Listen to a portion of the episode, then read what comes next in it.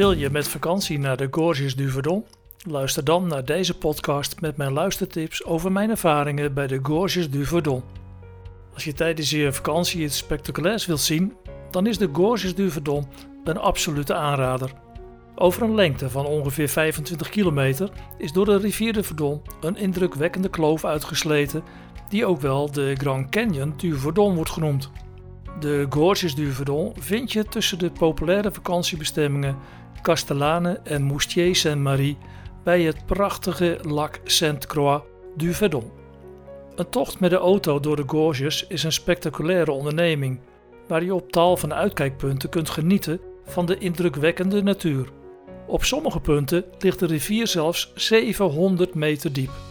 In het regionaal natuurpark Verdon vind je trouwens 180.000 hectare met een prachtige en afwisselende natuur.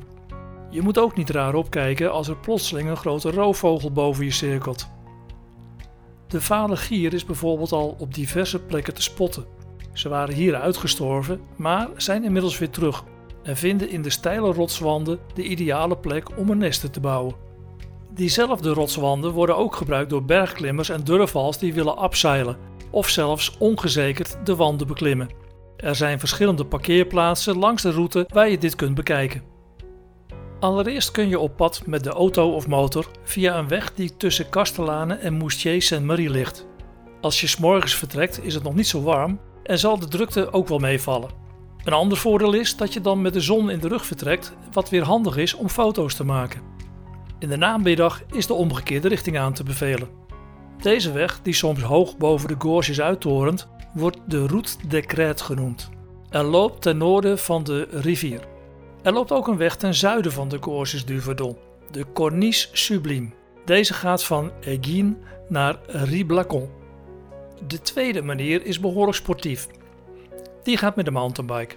Met een mountainbike kun je genieten op deze prachtige routes door het natuurpark. En door trails met elkaar te verbinden is het mogelijk om de natuur bij de Gorges helemaal te verkennen. Een goed uitgangspunt is dan de Grand Traversée VTT La Transverdon. Deze gaat vanaf de bron op de Col d'Aloge tot aan Gréoux-les-Bains. Deze schitterende mountainbike-tocht is totaal circa 260 kilometer lang en onderverdeeld in verschillende etappes. Vanaf Castellane kun je bijvoorbeeld etappes 9, 10, 11 en 12 volgen tot aan het lac Sainte-Croix du Verdon. In totaal rij je dan ongeveer 68 kilometer. De route gaat niet altijd vlak langs de gorges omdat dat gewoonweg niet kan, tenzij je over de weg wilt rijden. Deze etappes variëren in lengte van 14 tot circa 18 kilometer en zijn voorzien van een bewegwijzering van de Fédération Française de Cyclisme. De Grand Traversée behoort tot een van de mooiste mountainbikeroutes van Frankrijk. Een andere mooie manier om de Gorges du Verdon te ontdekken is natuurlijk vanaf het water, met bijvoorbeeld een raftingvlot, een kano of een waterfiets. Maar dat kan niet altijd, omdat de stuurdam van Chaudin bij Castellane een paar keer per week wordt opengezet. Deze stuurdam regelt namelijk het waterniveau in de rivier en bij opening kan het hoogteverschil in 15 minuten oplopen tot ongeveer 1,30 meter. Als je niet weet wanneer het niveau van de rivier wordt aangepast, is het dus gevaarlijk om je op of in het water te begeven. Er staan niet voor niets overal waarschuwingsborden. Verhuurbedrijven langs de rivier weten precies wanneer het gebeurt. En daar kun je dus ook het beste terecht als je de gorges via het water wilt ontdekken. Je vindt ze op diverse plekken langs de Verdon. Voor een rustigere kanotocht zijn de dagen dat de stuwdam niet geopend wordt het best geschikt. Ook daarvoor kan men je ter plekke het beste informeren. Op een zonnige dag naar het Lac Sainte-Croix gaan en daar een waterfiets of kano huren om stroomopwaarts de rivier op te gaan is ook een super idee. Ik vind het altijd net of je dan op een subtropische plek bent. Het prachtige blauwgroene water en de daaruit oprijzende kliffen en rotsen zijn werkelijk indrukwekkend. En op sommige plekken kletteren watervalletjes naar beneden. En ik weet zeker dat je dit, net als ik, niet snel zult vergeten. De Gorges du Verdon te voet verkennen, dat kan natuurlijk ook. In het natuurpark van de Verdon kun je prachtige wandelingen maken. Ik kan je dan ook aanraden om bij een lokaal office du toerisme naar binnen te stappen en een boekje aan te schaffen waar deze wandelingen in staan. Je zult er absoluut geen spijt van krijgen. Een paar leuke wandelingen zijn bijvoorbeeld te maken bij Castellane, zoals de Tour du Roc. Deze wandeling brengt je vanuit het dorp bovenop de Notre-Dame du Roc, hoog boven op het dorp. Het is wel even klimmen, maar na circa anderhalf uur heb je er een fantastisch uitzicht. Nog een leuke wandeling die je bij Castellane kunt maken is naar het oude dorp Brandies, die deels over de GR4 gaat. Ik zal je er straks meer over vertellen omdat ik deze wandeling ook zelf heb gemaakt. Ben je een super ervaren wandelaar? Heb je geen angst om via smalle paadjes met de rivier ver onder je het avontuur tegemoet te gaan? Heb je geen hoogtevrees en zie je er niet tegenop om via smalle ijzeren trappen omhoog of omlaag te klauteren? En ben je ook niet bang om 670 meter door een donkere tunnel te lopen? Dan is voor jou het Sentier de Martel het parcours om de Gorges du Verdon te ontdekken. Dit spectaculaire wandelpad is ongeveer 14 kilometer lang en is een mooie maar inspannende tocht. Ik zou het niet aanraden aan ongeoefende wandelaars. Als je gaat, zorg dan dat je goed bent voorbereid en denk aan een zaklantaarn omdat je anders in de lange tunnel geen hand voor de ogen ziet. Dit traject werd ooit door de speoloog Martel voor het eerst afgelegd. Je kunt starten bij het Chalet de la Maline. Je daalt eraf en 50 minuten later en ongeveer 350 meter lager ben je onderaan in de gorges aangekomen en begint de echte wandeling en het pure genieten. De rest van deze podcast neem ik je mee naar een bijzondere plek waar je naartoe kunt wandelen. Een paar jaar geleden was ik in de buurt van Castellane om er een wandeling te maken naar Villars Brandis. Omdat ik niet precies wist wat mij te wachten zou staan, zorgde ik voor voldoende drinken en genoeg te eten voor onderweg.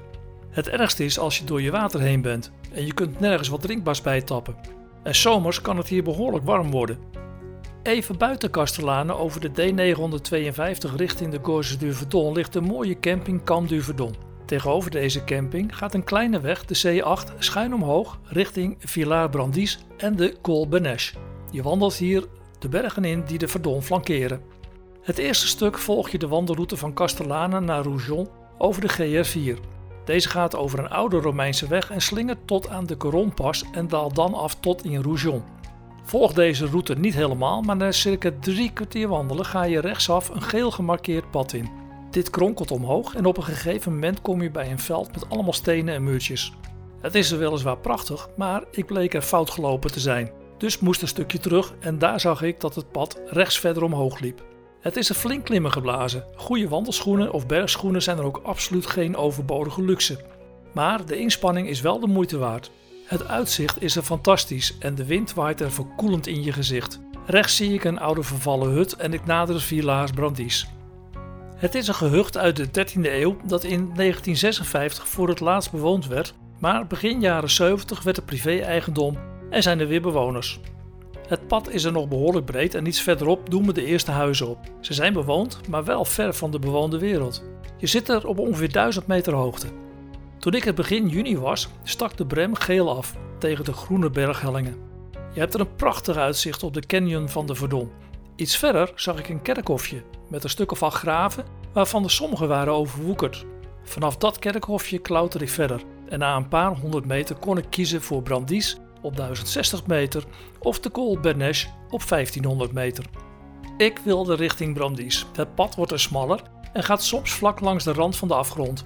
Nimmer echter heb ik het idee of het gevoel dat het gevaarlijk is. Je moet wel erg roekeloos zijn wil je hier naar beneden storten. Maar het blijft uitkijken dat je niet op een losse steen trapt en alsnog uitglijdt of valt. De inspanning werd echter beloond met een fenomenaal uitzicht. Het is alsof je er alleen op de wereld bent. Ver onder je kronkelt de alsmaar blauwer wordende verdon. Het begon wel inmiddels behoorlijk warm te worden, maar dat mocht de pret niet drukken. Het is puur genieten van de omgeving en het ongelooflijke uitzicht op de rivier aan de ene kant en de bergen aan de andere kant. Aan de noordkant zie je een vreemde rotsformatie die bekend staat als de Menhir Cadière de Brandis. Het is een prachtige plek om even te pauzeren, te genieten van de omgeving, iets te eten en wat te drinken. Het begon behoorlijk warm te worden en ik besloot dan ook om zuinig om te springen met het water dat ik bij mij had. Een half uur later ging ik verder richting Brandis. Het ligt prachtig in een natuurlijk amfitheater van een groene vallei waar mooie wilde bloemen bloeien. Ik zag er bijvoorbeeld in het wild groeiende lavendel officinalis, een wilde lavendel die heerlijk ruikt. In de vallei houdt het pad in het hoge gras op. Links liggen de deels gerestaureerde ruïnes van het oude dorp Brandies. Ik ploeter verder door het hoge gras en kijk uit dat ik de wilde lavendel niet vertrap en let vooral ook op slangen. Aan de andere kant van de ruïnes vind je een pad dat recht naar beneden gaat. In de verte en de diepte zie je dan weer de GR4 richting Rougon lopen. Maar om daar te komen was makkelijker gezegd dan gedaan. Ik had al ruim drie uur gelopen en geklommen. en moest nu via een steil en kronkelend pad naar beneden. De afdaling lag bezaaid met grote losse stenen. Achter mij keken de menhier de carrière de brandies dreigend naar mijn verrichtingen. Voorzichtig zocht ik het wandelpad naar beneden en op een gegeven moment zag ik weer een gele streep op een steen. Pff, gevonden en nu terug naar beneden. Na een spannende maar prachtige afdaling kwam ik weer op het brede pad van de GR uit.